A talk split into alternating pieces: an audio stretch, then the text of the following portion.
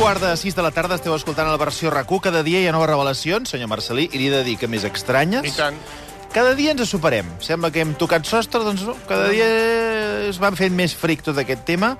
Sobre l'operació Catalunya, avui ens hem llevat amb una investigació del món a rac que ha descobert que la policia patriòtica va autoritzar un veí de Jordi Sánchez, que això sembla la, la que se avecina, perquè l'espiés quan era president de l'ANC. Policia política, eh? et va dir el senyor Ernesto de Cais. El veí en qüestió és el germà d'un dels comissaris més importants de l'Operació Catalunya, qui en aquell moment dirigia els serveis d'intel·ligència del Ministeri de l'Interior. És increïble. Ernesto de Kaiser, bona tarda. Muy buena tarde. Vamos Er- con la serie. Vamos por la saga. Però, però Ernesto, estarà d'acord amb mi que quan sembla que no pugui passar res més, em passa una de més grossa, perquè a mi ja, això del veí, jo aquest gir, jo ja no l'he vist venir. Bueno, este es el hermano de José Luis Olivera, que es el todopoderoso José Luis Olivera, que se sienta en el banquillo del caso Kitchen, eh, que es el también es un es un espionaje que también tampoco es patriótico, como bien ha señalado eh, en relación al conjunto de la causa Marcelí. Sí. Eh, porque en aquel caso eh, en aquel caso se trata de mm, de un rival interno que era Luis Bárcenas y el señor Olivera propició junto con, con una trama eh, que involucra a Villarejo y a otros, al comisario Enrique García Castaño, que también es un distinguido participante en esta operación Cataluña, eh, eh, pues eh, el espionaje a, a Bárcenas y a su mujer, eh, Rosalía Iglesias. Por lo tanto, lo de patriótico está de más, pero bueno, como eso se dice, pues digamos. Sí, sí, ya. Entonces, eh, yo creo que es importante porque, el, el, en fin, José Luis Olivera tiene un hermano, el hermano vosotros no lo habéis eh, nombrado por delicadeza, Basté ha estado eminentemente delicado Sí. y bueno, pues ha puesto PO y es el señor hermano de Olivera que ha colaborado con él, no es un comandante, es un fue jefe de la UDEF, nada menos, y en aquellos años pues también hizo incursiones en Cataluña en relación a los fiscales Ulled y, y Bermejo, que intentó junto con Marcelino Martín Blas, que a espaldas de juez Aguirre, eh, entrar en la sede de Convergencia Democrática de Cataluña, no le dejaron, consideraron que no tenía fundamentos a espaldas del juez actuar, y José Luis Olivera se presentó personalmente en Barcelona con Marcel- Marcelino Martín Blas, y, y bueno, es el hermano que es el el VI del PIS de, Jo no, de que Jordi Sánchez. no dono crèdit, eh, de veritat, Ernesto. és que, y- no, o, digamos le aportaba su granito de arena sobre lo que què, què, escuchaba, què, los què, exacte, li anava a preguntar què, quina feina que representa que feia. Eh, posava un got eh, a la paret i escoltava eh, a veure què sentia o què, què feia? Bueno, estaba muy al tanto de los movimientos eh, en ese momento que fueron muy importantes, estamos hablando del 2015. Eh, el, eh, José Luis Vera era jefe del CITCO, el, el- el Centro de Información del Terrorismo y Crimen Organizado, vamos, un- un, eh, una pieza muy importante en el servicio, en los servicios de inteligencia. Eh, tuvieron también intervención en Cataluña eh, en el primero de octubre y, y, y más tarde en algunos temas informativos. Eh, eh, y entonces, bueno, pues el, el, el señor P, digámoslo así. Sí, senyor P. señor P, pues estaba muy al corriente de quién entraba y quién salía del, del PIS eh, de Jordi Sánchez. Sánchez era muy importante entonces, para además los servicios de inteligencia era el cerebro de toda la operación. No nos olvidemos que, Pedro- que eh, Jordi Sánchez y, y Xavier Cuchar fueron los primeros detenidos Sí. en, en octubre del 17 y sobre ellos se montó toda la operación eh, de criminalización del independentismo, la fama- famosa jornada del 20 de septiembre, cuando se subieron a, a, las, a, a los eh, coches eh, de la Guardia Civil. Todo eso estaba dentro de los planes, digamos, de, eh, de, seguimiento de Jordi Sánchez desde ya del año 2015, donde la Asamblea Nacional de Cataluña era considerada muy importante por las grandes diadas de entonces. No nos olvidemos que hay un informe del 2012 al 2017 de todas las eh, manifestaciones gigantescas que hubo en aquellos años y por lo tanto Jordi Sánchez era el enemigo público número uno, le diré. Muchísimo más que Puigdemont ¿Ah, sí? o otros altos cargos de la Generalitat. Era el guerrillero, era el revolucionario. Eh, y por lo tanto Jordi Sánchez era la persona a seguir de cerca. Por eso tiene sentido que eh, José Luis Olivera pidiera a su hermano su col·laboració. El, el, senyor, el senyor P, Ernesto, com ens l'hem d'imaginar? És a dir, ell feia informes, és a dir, escrivia un informe, avui, hoy ha visitado el senyor Sánchez, un senyor bajito, con, con corbata... No, no lo creo, yo creo que funcionaba por teléfono. Per. Bé. Claro, era una fuente privada, una fuente privada que demostraba que José Luis Olivera tenía información privilegiada es decir, más privilegiada imposible. Tenía un topo metido a un metro de Jordi Sánchez, vamos, eso es eh, eso ya no es de no es de torrente, eh? A Jordi Sánchez se n'ha assabentat a través de la ràdio eh, s'ha mostrat en xoc, com ens hem quedat tota la resta, i ha demanat calma perquè assegura que mai eh, no hi va compartir cap informació relativa als preparatius de l'1 d'octubre. Soc un home enormement discret, que ningú pateixi que, com es va demostrar, ni a l'1 d'octubre, eh, ni les urnes, ni determinades altres actuacions van estar en perill per informació que pogués sortir de la meva boca en, en comentaris o en converses, eh, en, en aquest cas, amb aquesta persona o amb altres. Bueno, diu que no en va parlar, però, però no sé si podia haver, ser, haver estat espiat, ¿no? Mm, d'alguna manera, o vostè creu claro, que no? Eh, tú te, en, aquel, en aquellos años, hay que situarse en aquellos años, con Karma Forcadell, con eh, antes de Jordi Sánchez, todo ese periodo es un periodo sumamente importante porque, digamos, ahí hay un, digamos, un personaje que es clave, que es Daniel Baena, que estaba en la Guardia Civil y que ya sostenía que había una insurrección en marcha en Cataluña. No solo eso, sino que además fue testigo en el juicio y, y además instruyó prácticamente la causa del proceso. A mí me parece que Pablo Llarena era un magistrado que seguía, las, digamos, los informes de, eh, de Daniel Baena, eh, que usted sabe que además tenía una, una cuenta en Twitter a nombre de Tácito sí. eh, y, y, y se, se, hizo muy famoso en Cataluña sí, y entonces ya en los años 2012-2013 esto empieza a ser seguido como una, un proceso insurreccional eh, de carácter continuo, permanente y por tanto eh, tener a un topo a un metro, dos metros i que se cruzava com... Bueno, a, a la reunió de veïns és que clar, és que si t'hi vas a pensar, vull dir, és clar, una persona amb la que coincidia cada dia. Exacto. I, I un comentari, eh... podia mirar les cartes de la bústia i podia mirar doncs, quin paquet li enviaven de segons qui, qui passava per allà, qui trucava a la porta. Això és una espia de, de, de primera fila, Ernesto. Exactamente. Por eso decía que no era de torrente.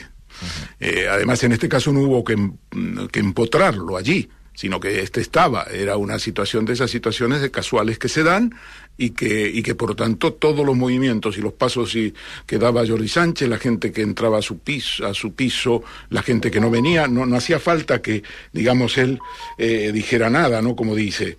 Eh, espera un segundo. Sí, sí, faci, faci. No hi ha problema perquè eh, aquest tema és prou gros com per tractar-lo amb calma i assegurar-nos que ningú ens està espiant ni ningú ens està enviant cap missatge. Sí, sí, i... no, claro.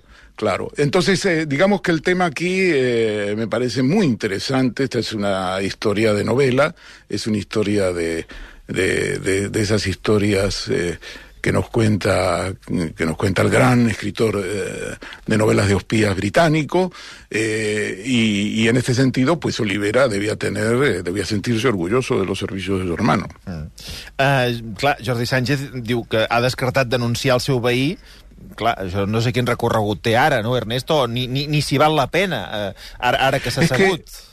El problema es que la Operación Cataluña está en una lista en la cual nada tiene recorrido. Aunque yeah. pongan las pistolas humeantes sobre la mesa, pistolas humeantes se dicen smoking Guns. gun sí. en la terminología británica, eh, anglosajona, sí. cuando uno presenta una prueba de cargo.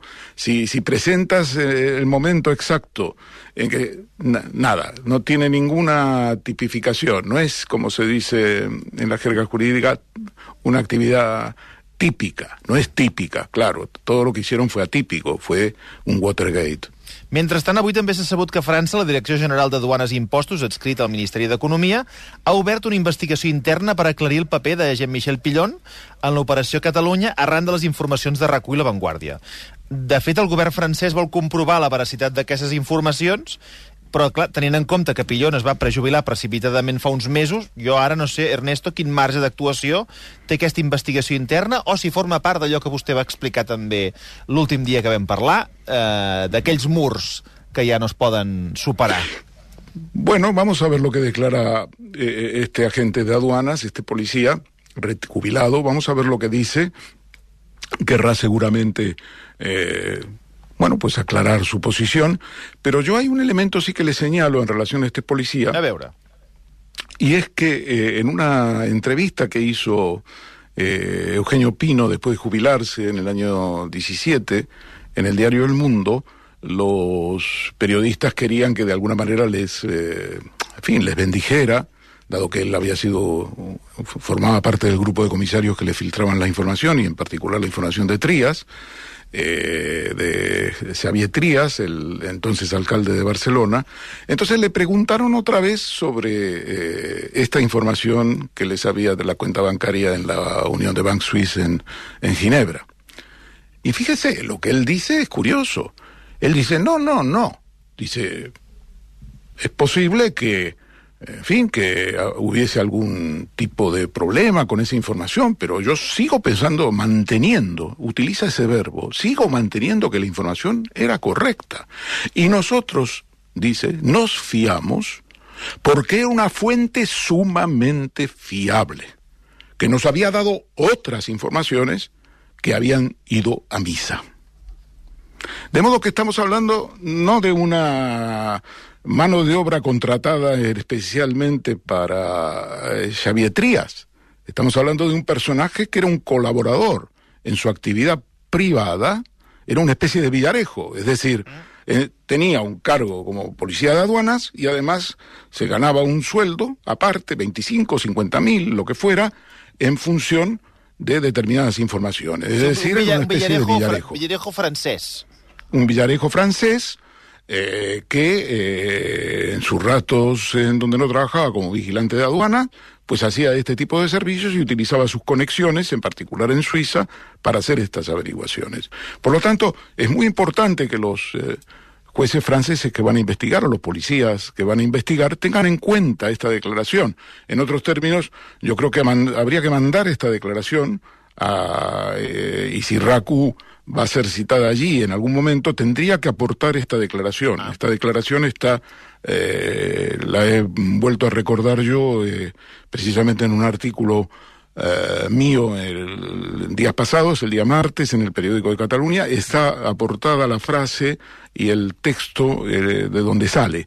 Y esto quiere decirse que no solo, insisto, colaboró el policía francés con eh, la operación contra Trías, sino que era una fuente permanente y según el que era director adjunto operativo, es decir, quien le encargaba los trabajos, señor Pino, era una fuente muy fiable que colaboró con ellos. Li volia preguntar de Pillon, és una cosa que em va quedar al cap l'altre dia. Per què aquesta col·laboració? És a dir, és un home que ho feia per patriotisme, per diners, eh, per la causa. Per què, creu Ernesto? Por pasta. Per pasta. por pasta. 50.000, no? Y Crec porque Javier, eh, Enrique García Castaño era un personaje, es un personaje porque vive, aunque tuvo un ictus y está fuera de combate, es un personaje que yo conocí mucho y yo mismo, ya lo he contado varias veces aquí, eh, cuando me crucé con él eh, en el año 2015, eh, después de las filtraciones, le dije, Enrique, ¿qué es esto de Trías? Pues si esto es una, es una barbaridad. Y me dice, no, no, verás, es que sí, es un tema muy complejo, pero le digo, pero lo que habéis hecho es terrible, porque esto de la cuenta, no, sí, pero es más complejo, ya te lo explicaré algún día. Quiero contarle con esta anécdota que eh, García Castellano era un personaje que se hacía querer. Es decir, un personaje, eh, lo del gordo, Sí. también tiene que ver con el hecho de que era un personaje muy, eh, de muy buena capacidad de relaciones y se relacionaba con todo el mundo. Muy bien, era muy simpático, muy de derechas, había sido llamado Blasillo en la época de Blas Piñar. Carai. Blasillo, así se le conoce en la jerga, por haber militado en, en Fuerza Nueva. Eh, y digamos, eh, tenía una cantidad de relaciones en, en, la, en, en, el mundo policial y judicial extraordinaria y a nivel internacional porque se encargó de las compras de todos los artilugios de seguimientos y de espionaje para la policía, porque era jefe de la UCAO, no era un comisario cualquiera, jefe de la unidad central operativa de la Policía Nacional. Entonces viajaba a Israel, viajaba a distintos países expertos en tecnología y contrataba y compraba. Probablemente él, desde el punto de vista informático, no sabía mucho, pero tenía su equipo, su equipo científico.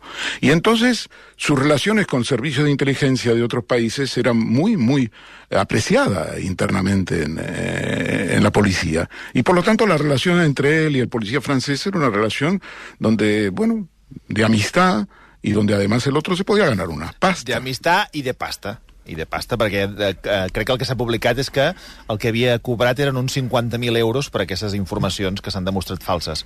El que pretén aclarir aquesta investigació de la Direcció General de Duanes és si Pillon, evidentment, va aportar els comptes falsos de Xavier Trias a Suïssa i Andorra, a més de detalls fiscals comprometedors sobre la família Pujol. Que parlant de la família Pujol, en relació a aquest cas, el jutge Santiago Pedraz ha elevat a la sala penal de l'Audiència Nacional la causa per fixar data, atenció, eh, fixar data finalment de, de celebració del judici oral contra l'expresident Pujol, els seus set fills i una desena d'empresaris. Atenció, perquè, és clar aquí hem de treure la, la calculadora i la gent d'Ernesto, perquè Pujol farà 94 anys el, el, no, el 9 de juny.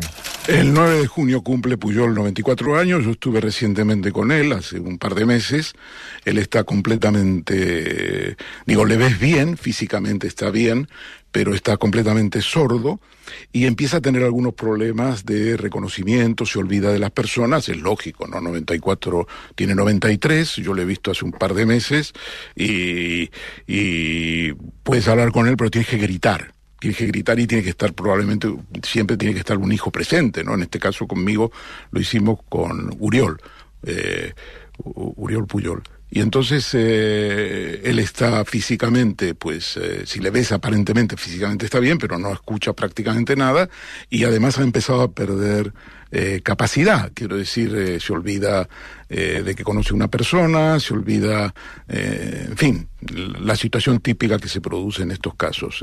La ha tenido en su día ictus, por lo tanto, se ha hecho todo lo posible para que comparezca una persona que es mucho más que anciana y que probablemente sea, yo digo con cautela, el acusado de mayor edad en la historia de un juicio de la Audiencia Nacional.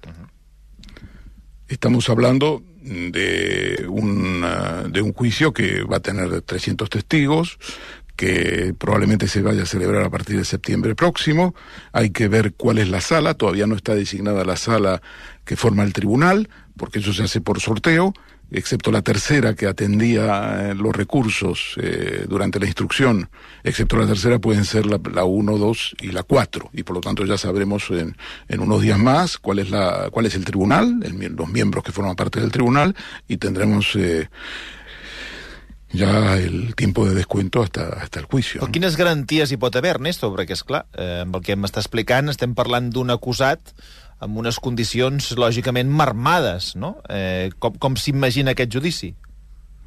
Es un juicio difícil, es un juicio difícil porque Puyol, pues, eh, Puyol y Solé, eh, estará en unas condiciones todavía peores y ya ha tenido algunos síntomas que, que, que, que digamos, le impiden reconocer a personas eh, y por tanto será, será un, un, juicio muy, muy difícil. Tengamos en cuenta que el juicio además va a ser muy largo.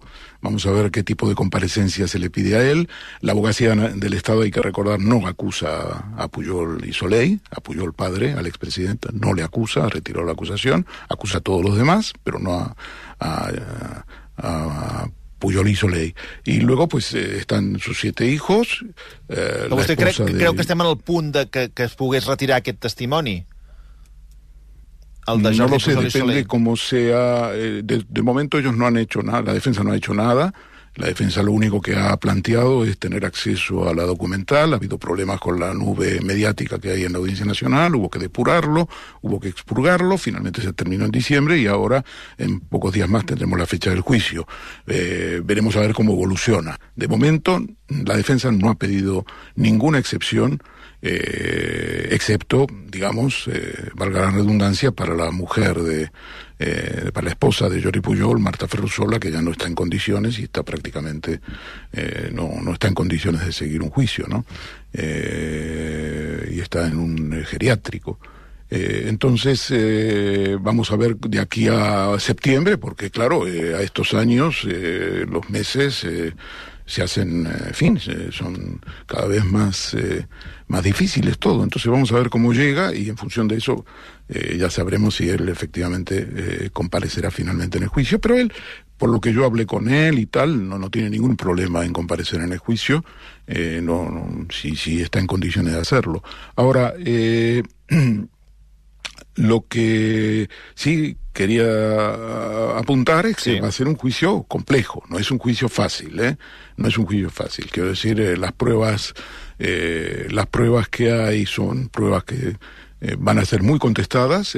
Cristóbal Martel hará una una, un alegato sobre cuestiones previas eh, espectacular, eh, por lo que me dicen, en el sentido de que hay una serie de mm, eh, intervenciones de carácter político que caracterizan este juicio como un juicio muy contaminado.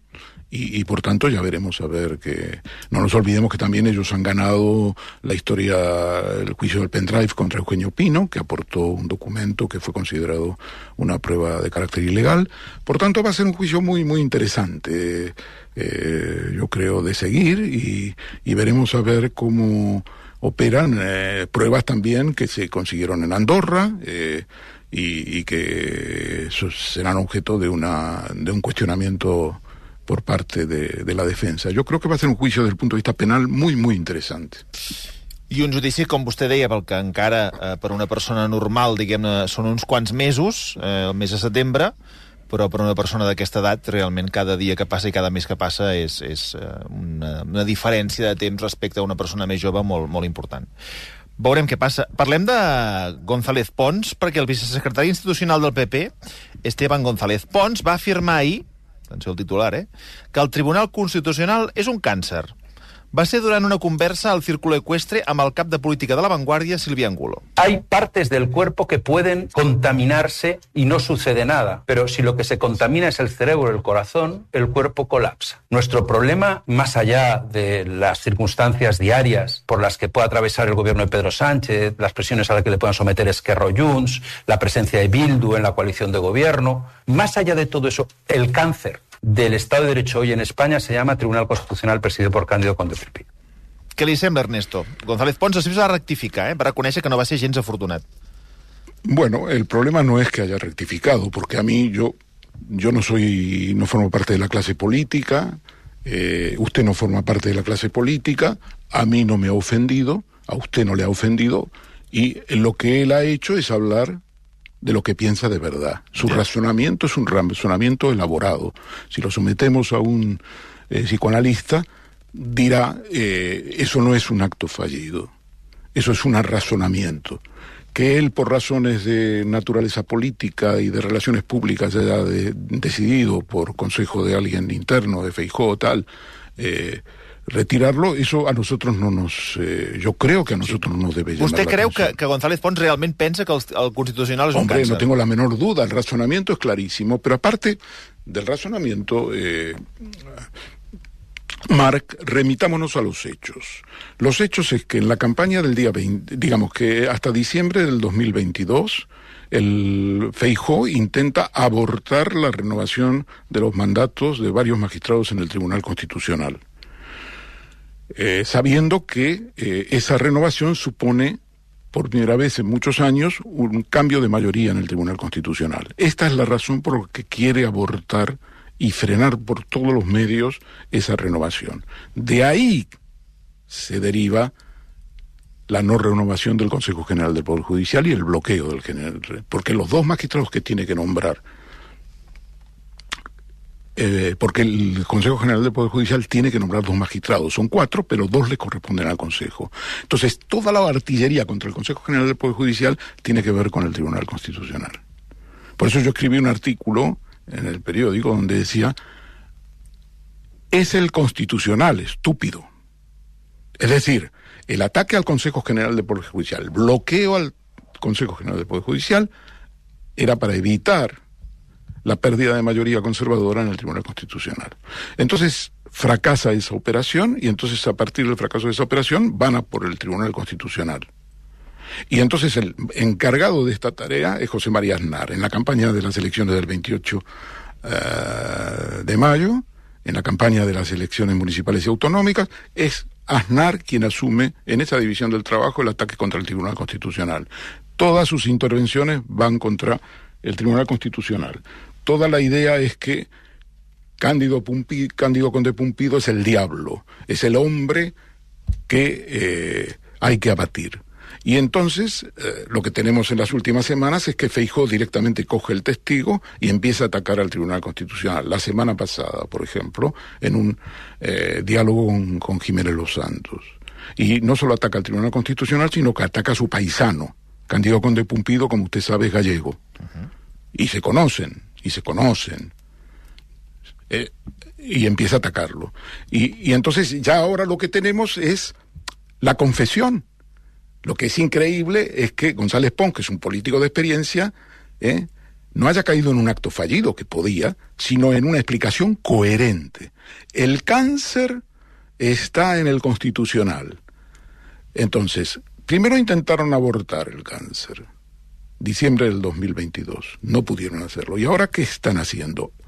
El cáncer hay que extirparlo. Y él mismo dijo, ya ni vamos a presentar recursos ante el Tribunal Constitucional, en plan acelerado. Luego rectificó. Pero la rectificación eh, nos vale a los efectos de las relaciones públicas. Nos vale, no nos vale acerca de lo que piensa eh, Feijó y de lo que piensa González Pons. ¿Usted cree que esto que dijo González Pons, le pregunto, en voz alta, razonado como lo razona, no és el lenguaje que internamente utilizan Feijo i González Pons? Sí, vostè vol dir que si es diu això en públic, eh, el que es deu dir en privat, no? Exacto, exacto.